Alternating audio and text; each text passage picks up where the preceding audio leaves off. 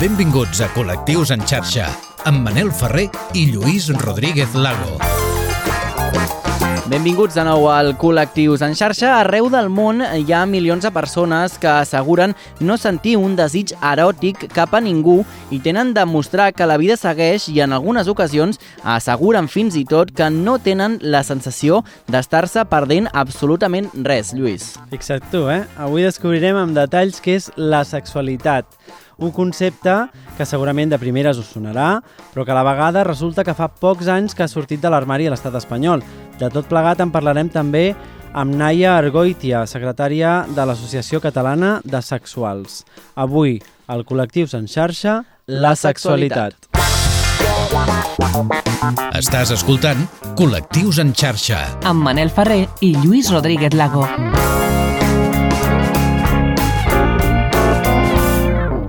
El primer que hauríem de fer és definir exactament què és la sexualitat, eh? Asexualitat, Mhm. eh? Perquè si ho diem molt ràpid porta confusió. Un o una asexual és una persona que no experimenta atracció sexual envers altres eh, persones. A diferència del celibat del qual la gent escull, no? Quan entra Mhm. doncs, alguna ordre catòlica, Per exemple. ho has pensat, Lluís, en algun moment entrar a alguna No. ordre catòlica d'aquesta manera per la porta No. gran? No, val.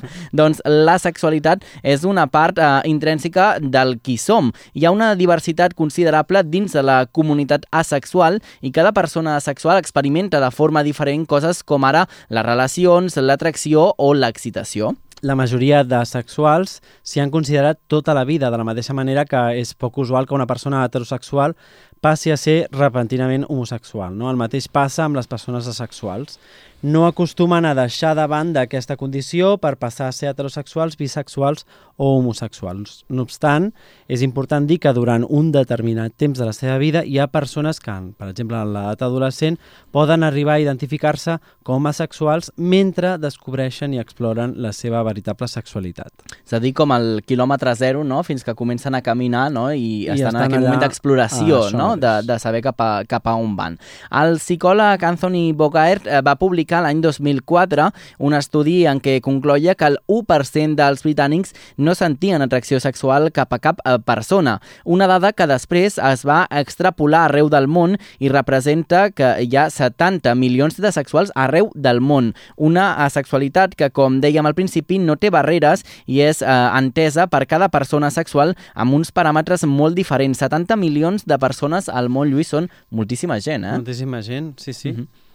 Des de l'ACA, l'Associació Catalana d'Asexuals, asseguren que en ocasions és difícil que una persona s'identifiqui amb la sexualitat per culpa dels estigmes i idees preconcebudes que s'han donat per bones amb el pas del temps.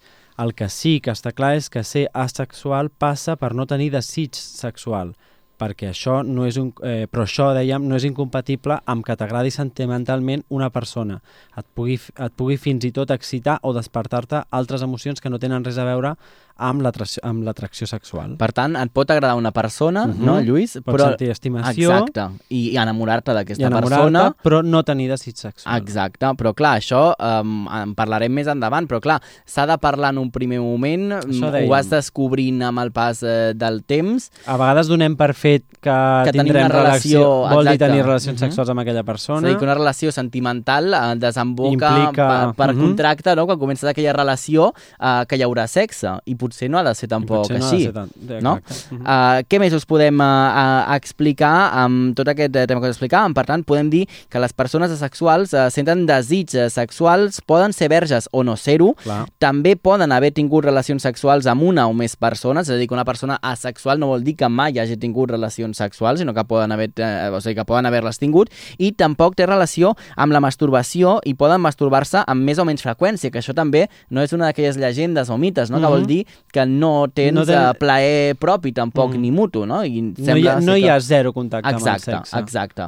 Hi ha una relació amb el sexe, no? Però no, uh, de No- manera uh, explícita, no? Potser. Sí, o no en, en relació amb l'altra persona. Mhm. Clar, és que el que dèiem també al principi és que cada persona sexual ho entén d'una manera diferent. manera, Per sí. tant, els límits o els, Els marges marca cadascú se'ls clar. acaba uh, determinant. Eh? En quant als somnis, no hi ha res escrit. Eh? Poden tenir fantasies eròtiques d'un o altre tipus i si ho consideren poden voler tenir parella i gaudir de la confiança i també de la intimitat mútua d'aquesta parella. Uh -huh. Malgrat que l'any 1907 eh, Carl Schegel va defensar la igualtat de drets entre les diversitats, eh, diverses orientacions sexuals, no? heterosexuals, homosexuals, bisexuals i asexuals, el 2001 es va crear AVEN, la xarxa de visibilitat i educació asexual més gran del món. A Espanya el concepte asexual va trigar molt temps en fer-se popular i tot es deu a un anunci de televisió que va obrir la porta a la comunitat asexual a ser coneguda entre el conjunt de la societat. Perquè els pols oposats també s'atreuen, escolta col·lectius en xarxa. Pablo Ortiz, l'expresident de l'Associació Catalana d'Asexuals, que es va fundar l'any 2017, s'atreveix a assenyalar en el mapa l'any 2016 com el moment en el què els asexuals catalans surten de l'armari i es comença a crear un moviment que acaba culminant en aquesta associació la mateixa que avui dia encara segueix en plena forma, malgrat que el seu preside eh, primer president ja no ostenta el, aquest càrrec. La marca de matalassos Flex, eh, coneguda per tothom, uh -huh. molt popular, va dedicar el seu espot televisiu de l'any 2016 als més de 70 milions de persones al món que viuen sense sexe per decisió pròpia. Per fer-ho, van reunir a quatre persones reconegudes dins del moviment asexual, entre els que també es trobava Pablo Ortiz, i els convidaven a fer una reivindicació que va servir per posicionar-se encara més dins de l'opinió social. Aquest és un fragment de l'anunci que es va emetre durant aquells mesos. A mí el sexo pues no me interesa, no es tener algún tipo de trastorno, una enfermedad, es simplemente un gusto. Antes el sexo era pecado y ahora parece que el pecado es que no te guste. No me gustan ni las chicas ni los chicos. Los asexuales no vemos al resto de personas como una fuente de placer. Normal es todo aquello que nos hace sentir a gusto y bien con nosotros mismos. Nos enamoramos románticamente, nos sentimos deseo. A mí me gustaría que la, la, gente se sintiera libre y que si lo que sienten es amor en libertad, pues que practiquen el amor en libertad sin ningún condicionante. La cama es el último bastión de libertad que nos queda. En això estic d'acord, eh? perquè el llit és l'únic lloc on estem realment lliures no? i ningú ens està uh -huh. uh, veient. Has pres apunts, Lluís. Sí, perquè uh, em fixava que que en aquests testimonis de l'anunci de Flex hi havia un no, que deia no, no les gustan, a los asexuales no les gustan los chicos i les xiques, uh -huh, o un deia sí. que no li gustan ni los chicos ni les xiques, però en canvi hi havia uns altres, això que dèiem dels uh -huh. límits, aquí marca els límits, no?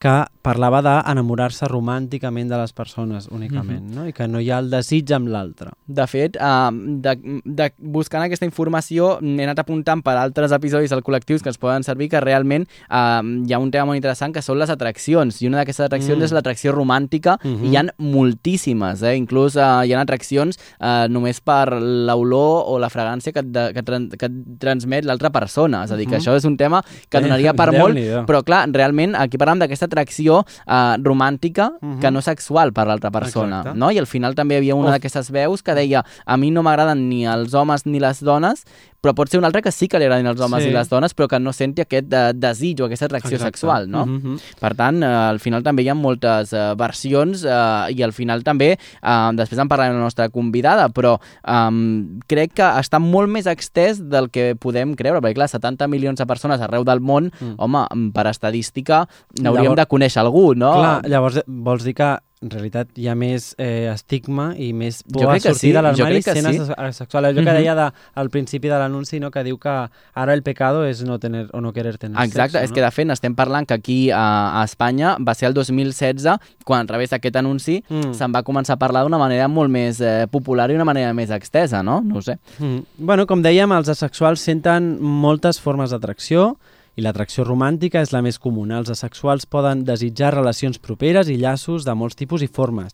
Les persones asexuals que senten atracció freqüentment se sentiran atretes eh, cap a un gènere particular o poden identificar-se com a gay, bi, pansexual o heterosexual, o com a homoromàntics, biromàntics, panromàntics o heteroromàntics. Per tant, Lluís, això vol dir que tu et pot, eh, pots ser homosexual perquè t'agrada un home o una mm -hmm. dona, no? Mm -hmm. Però només agradar-te sense la part de l'atracció, és a dir, només t'agrada cap al que et desprèn aquella persona del sense el desig sexual, mm -hmm. no? Per tant, eh, doncs és veritat que té coherència, eh? Vist uh Mhm. -huh. així, és important eh, incidir que no es tracta d'un trastorn ni el detonant d'algun problema que acaba fent que la persona es faci asexual. És a dir, no té un vincle directe amb eh, impotències sexuals, uh Mhm. -huh. desenganys sexuals o trastorns a la infantesa o a l'adolescència, no? que moltes vegades, i llegint blogs i opinions de persones asexuals, ho deien, que cada cop que a la televisió o als mitjans se'n parla, eh, ho intenten lligar o s'intenta fer un vincle amb segurament aquesta persona ha tingut una carència infantil o ha tingut una mala experiència en el sexe i això desemboca encara no vulgui tenir-lo, És no? allò que diem que, i que ens passa constantment en aquest programa, que és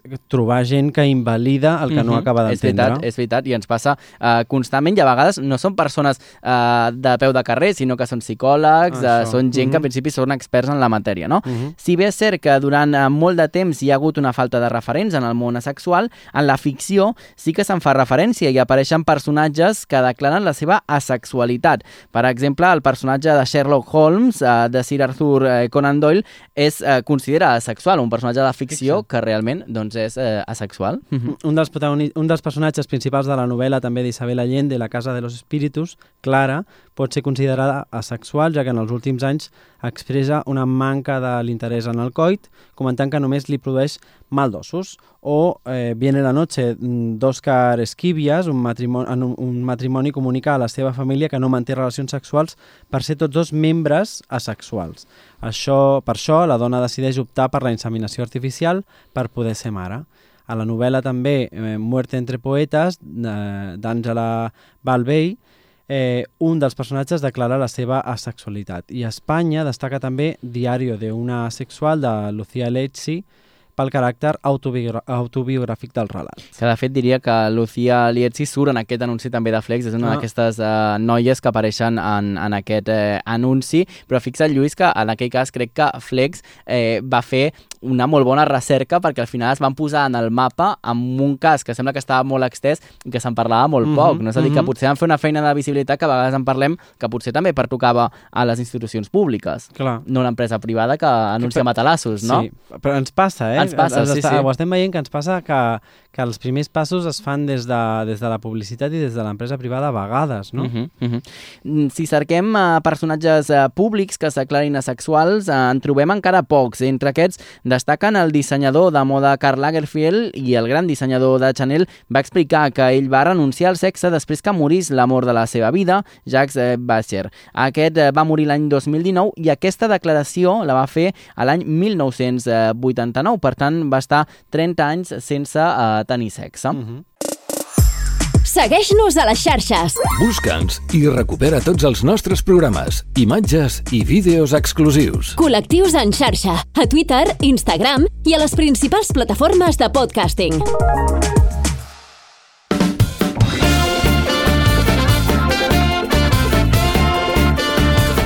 I com sempre ens agrada fer en aquest programa, més enllà de la part eh, teòrica, passem després també a la pràctica. És com el carnet Mhm. de conduir, no? Un cop Exacte. tenim la teoria anem a la pràctica i per conèixer una mica millor el concepte de la sexualitat volem parlar amb Naya Argoitia, ella és secretària de l'Associació Catalana de Sexuals. Hola Naya, què tal? Gràcies per atendre'ns. Gracias por invitar a l'ACA, la Asociación Catalana de Sexuales, por, por participar en el programa. Primer de eh, Naya, explica'ns eh, quina definició donaries tu sobre el concepte de la sexualitat. La, sexualidad es una orientación sexual eh, y se define como no sentir atracción sexual hacia nadie. Las orientaciones sexuales se definen por, por quien sienten atracción y en este caso pues la sexualidad eh, se define por no sentirlo hacia nadie. Aunque siempre reconocemos un espectro ase- asexual, es decir que, que la atracción sexual no es blanco o negro, sino que existen muchos grises, muchos matices, muchas situaciones, muchas variantes y todo eso se engloba dentro de un espectro, ¿no? que lo llamamos espectro sexual, donde podemos encontrar personas demisexuales, grisexuales y un largo etcétera que sienten atracción sexual en situaciones concretas o de manera concreta, ¿no? Y eso sería así como un resumen, un breve resumen de lo que sería la sexualidad y el espectro asexual. Molt ben explicat, eh? Explica'ns una mica el teu cas. En quin moment et vas donar compte de que eres asexual i com va ser tot plegat? Yo me identifiqué como asexual a los 20 y algo, realmente cuando descubrí la palabra, porque hay mucha invisibilización y, y aunque no te encajan las cosas, pues vas allí intentando buscar tu camino hasta que encontré la palabra y me di cuenta de que encajaba en mi vivencia. Y claro, otro de los problemas que existe para identificarse con la sexualidad es que hay muchos términos o muchas ideas no correctas de la misma, ¿no? O sea, la sexualidad, como he dicho, es una orientación sexual, es decir, no, no, tiene, ver, no tiene nada que ver con las prácticas. Eh, tener sexo o no tenerlo, practicar, eh, tener prácticas sexuales que te gusten o no te gusten, te gusten más, te gusten menos, no es lo que define tu orientación sexual, sino la atracción sexual. Y ese es un punto que hace que, que la gente se confunda y, y tenga una idea no correcta de lo que és la sexualitat. Mm -hmm. També parlàvem, i un tema que hem tractat també nosaltres, és uh, si la sexualitat uh, implica o no mantenir relacions sexuals, Naya. La sexualidad no es no tener relaciones sexuales, ¿no? O sea, alguien que decide no tener relaciones sexuales, en ese caso sería célibe, pero la, la sexualidad es una orientación sexual, es decir, hacia quién sientes atracción. Si tú no sientes atracción, no es que tú decidas no sentirlo, sino es que no lo sientes, no es algo voluntario sentir atracción sexual. Entonces la sexualidad no es que no tengas sexo, puedes practicarlo, puedes no practicarlo, pero la definición sería no sentir atracción sexual. Està bé aquesta diferència perquè sembla aclaridora una miqueta més, no? Sí, no és una opinió, no? no exacte, és una el sentiment. Pròpia, és el sentiment. Uh -huh. Quin diries, Naya, que és el mite o la falsa creença que més s'ha extès popularment sobre aquesta condició? Yo creo que uno de los mitos o falsas creencias o confusiones que más escuchamos es que es que los asexuales no les gusta el sexo, ¿no? Confundir la atracción sexual con, con practicar sexo. Eh, las personas asexuales tienen líbido, pueden excitarse, pueden tener deseo sexual. Al final no es algo que, que te condicione, ¿no? Porque muchas veces es como la condición de ser asexual. No, ser asexual no es una condición, es una orientación sexual. No, es, no tiene una sintomatología concreta, no es una patología, ¿no? Entonces es tener un poco de cuidado con, uh -huh. con las palabras ¿no? que escogemos al, al, hablar de una orientación sexual, ¿no?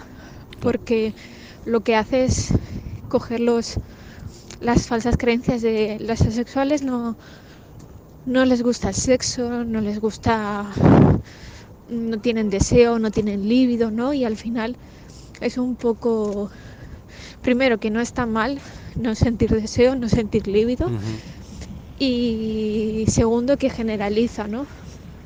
Porque no diríamos de, de la bisexualidad o de la les, o ser lesbiana o ser homosexual, ¿no? Que es una condición, no es una condición, es una orientación sexual. Totalment, és uh, una orientació uh, sexual i també volíem preguntar-te, la sexualitat en general és una condició uh, per sempre o hi ha gent que ha canviat de condició al pas del temps? No sé si t'hi pots decantar en una edat adulta o és una posició que s'escobreix potser en una edat més jove, Naya? La sexualidad al final, bueno, lo que hemos dicho es una orientación sexual. Yo la descubrí que era sexual con 20 y algo de años. pero no porque antes dejara de ser asexual o no era no fuera sexual no ahora sabiendo la palabra yo siempre me he sentido asexual. O sea mi orientación sexual no ha, no ha variado evidentemente. Pues hay gente que va explorando su orientación sexual y, y pues encuentra nuevas etiquetas que le, que le encajen mejor en el camino no nosotros siempre decimos que al final las etiquetas o las identificaciones las elige uno mismo y hay que elegir lo que nos venga mejor en ese momento. Pero no es algo que, que se diferencie ser, entre ser joven y ser persona adulta, no? Aquesta relació amb les etiquetes de, de la que deia la Naya, de la que havíem parlat també, i aquesta idea de, de la diferència entre descobrir l'orientació sexual o reconèixer-la no? o situar-la. No? Naya, creus que encara hi ha un gran desconeixement sobre aquesta opció entre la població general? Al final yo creo que hay muchas personas jóvenes que ahora se escuchan mucho más la sexualidad y se identifican mucho más con la sexualidad porque pues gracias a toda la visibilización que ya llevan haciendo muchos años muchos compañeros pues ya saben lo que lo que será sexual y se pueden identificar. Y por otro lado también gracias a esta visibilización personas adultas que hasta ahora no se reconocían eh, asexuales porque no, no sabían que existía esa palabra, pues también se han visto en la vivencia de que esta vivencia encaja con, con ellas y que, i que, i que les identifica. Mm. Parlàvem també nosaltres a fora de micro fa una estona um, si era difícil mm. o no uh, tenir parella i intentar ah. també uh, sobreposar uh, les altres uh, coses que el pot aportar una parella per sobre de, del sexe. Què en penses, Naya? Depende un poco de la persona sexual, lo de tener pareja, si es difícil o fácil. Como hemos dicho, uh -huh. la sexualidad es un espectro, entonces no es un bloque genérico. Pero es evidente que existe una relación donde, actualmente donde la pareja donde la palabra pareja va relacionada con el sexo, ¿no? Y ese sexo, esas prácticas sexuales, ¿no? Son un deber y también son un poco el amor que sientes hacia la otra persona, ¿no? Muchas veces relacionamos el amor que sentimos a esa persona con el sexo, ¿no? Si tú tienes una relación monógama, eh, digamos, prototípica de las películas de Telecinco si tú tienes sexo fuera del, del, de tu pareja, ¿no? Sin consentimiento, siendo una relación monógama, monógama pues parece que ya, que ya no le quieres, que, que se acaba del amor, ¿no? Siempre hay esta relación del sexo con, con, el amor. con otros conceptos como, como el amor y que están ligadas fuertemente y que es difícil desengranarlos, claro. ¿no? Y, y, yo creo que eso es difícil pues desde la sexualidad, desde la sexualidad en el sentido de eh, pues por ejemplo eh, el no deber sexo, ¿no? Porque siempre decimos y esto no es específico de la sexualidad, ¿no? Que nadie debe a nadie sexo que, que querer no es que querer a nadie no es que le debas eh, relaciones sexuales, ¿no? Entonces también desde ese punto de vista, desde la sexualidad, como otras maneras de relacionarse que se puedan generar, por ejemplo, desde el poliamor o la anarquía relacional, pues siempre implican una dificultad porque es aprender nuevas maneras de, de comunicarse en pareja y, y de poner límites y, de, y sobre todo de comunicación. I explica'ns una mica quina és la tasca també que feu des de l'Associació Catalana de Sexuals. El, el ACA, la Asociación Catalana, eh, se creó en su momento con una base muy fuerte para poder tener eh, poder o poder tener fuerza al, con las denuncias para poner denuncias sobre violencias que se reciben en el ámbito sanitario, como puede ser el psicológico, médico o, laboral, ¿no? Al final, cualquier cosa que sea discriminación. Y también ofrece apoyo a personas que, que tienen dudas, que, ¿no? que tienen o se identifican pero no conoce a nadie y quiere conocer a alguien, ¿no? Al final la comunidad y es muy importante, ¿no? Y por otro lado también damos talleres, damos charlas a institutos, colegios, ¿no? al fin, bueno, un poco la labor de visibilización y, y educación sexual. Que bé, ens ha costat uh, una mica, és veritat, i ho direm mm -hmm. públicament, eh, trobar algú que volgués uh, parlar obertament de la sexualitat. Encara um, no sabem tractar suficient, Naia, els mitjans de comunicació aquest tema? Cuando vas a los medios de comunicación, pues por un lado estás expuesto a recibir violencia, ¿no? Cuando haces entrevistas y apareces en YouTube, ¿no? Pues los típicos comentarios mmm, violentos y discriminatorios que evidentemente uno puede decidir si es si va a asumirlos, ¿no? si va a asumir ese riesgo y va, y va a gestionar esas violencias como pueda o no. Y en ese sentido, pues la gente tiene resistencias ¿no? a mostrarse de cara, de cara al exterior por miedo a recibir estas violencias. Y no tan solo desde el anonimato, ¿no? también desde, desde lo más cercano, cómo nos puede afectar, ¿no? porque al final no es una orientación sexual como todas las demás, pues puede recibir violencias tanto desde la familia como del entorno laboral como del entorno más cercano, ¿no? Entonces estas cosas te hacen mucho pensar qué es lo que vas a decir, cómo lo vas a decir y dónde lo vas a decir. Y por otro lado, los medios de comunicación, pues depende mucho del medio. Hay medios de comunicación donde pues se te acogen muy bien y hay medios de comunicación pues donde acabas con un mal sabor de boca, ¿no? Porque, por ejemplo, estás en una entrevista y en vez de en vez de no darte la voz, lo que hacen es llevar un psicólogo, un sexólogo, ¿no? Que todo el rato te cuestiona, ¿no? Y claro, entonces también es agotador ir a entrevistas o charlas donde ya sabes que va a haber un sexólogo, un médico y no sabes por dónde va a venir y puede ser que te esté que te esté negando tu orientación sexual. Mm -hmm. eh, hem vist també que hi ha, hi ha associacions com la vostra a nivell nacional i també fora d'Espanya. Explica'ns una mica. Eh, sí que hay muchas asociaciones a nivel España también está ACES que, que, bueno un poco se ubica en Madrid no pero bueno que, que es de toda España y, y, bueno después ahí en el territorio pues eh, a partir de los foros de AVEN y todo eso pues se ha creado una gran red y pues nos damos apoyo y bueno más o menos hay diferencias no cada territorio tiene su realidad pero bueno se asemejan en muchas cosas, ¿no? En ese sentido y siempre nos damos apoyo. Mm -hmm. Doncs, eh, Naya, moltíssimes eh, gràcies, gràcies per haver-nos atès i fins la propera. Gracias a vosotros por invitarnos y darnos voz. Y bueno, cualquiera que nos quiera encontrar, nos encuentra en las redes y que nos escriba para cualquier cosa. Mm -hmm. Un saludo.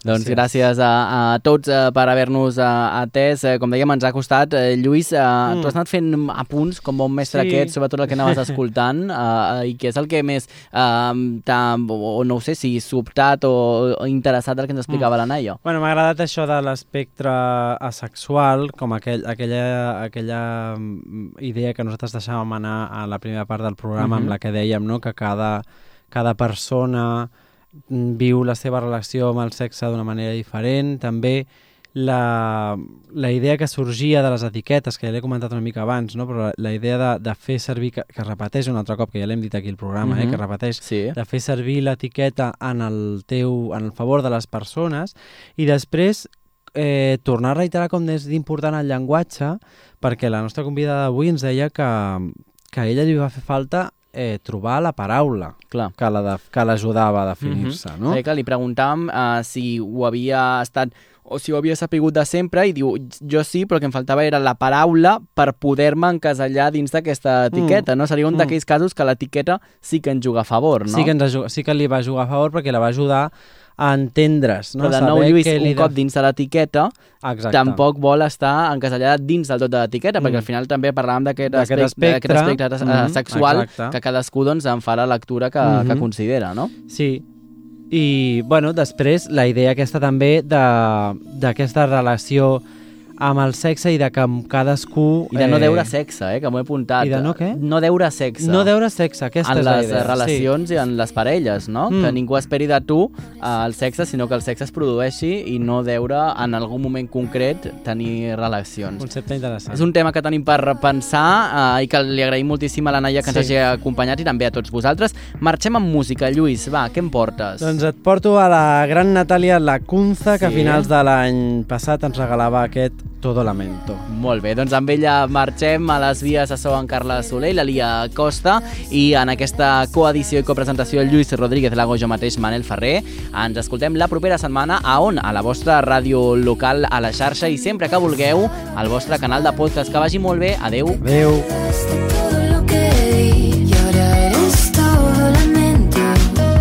Pero lo siento, te puedes ir. Yo también pensaba que eras para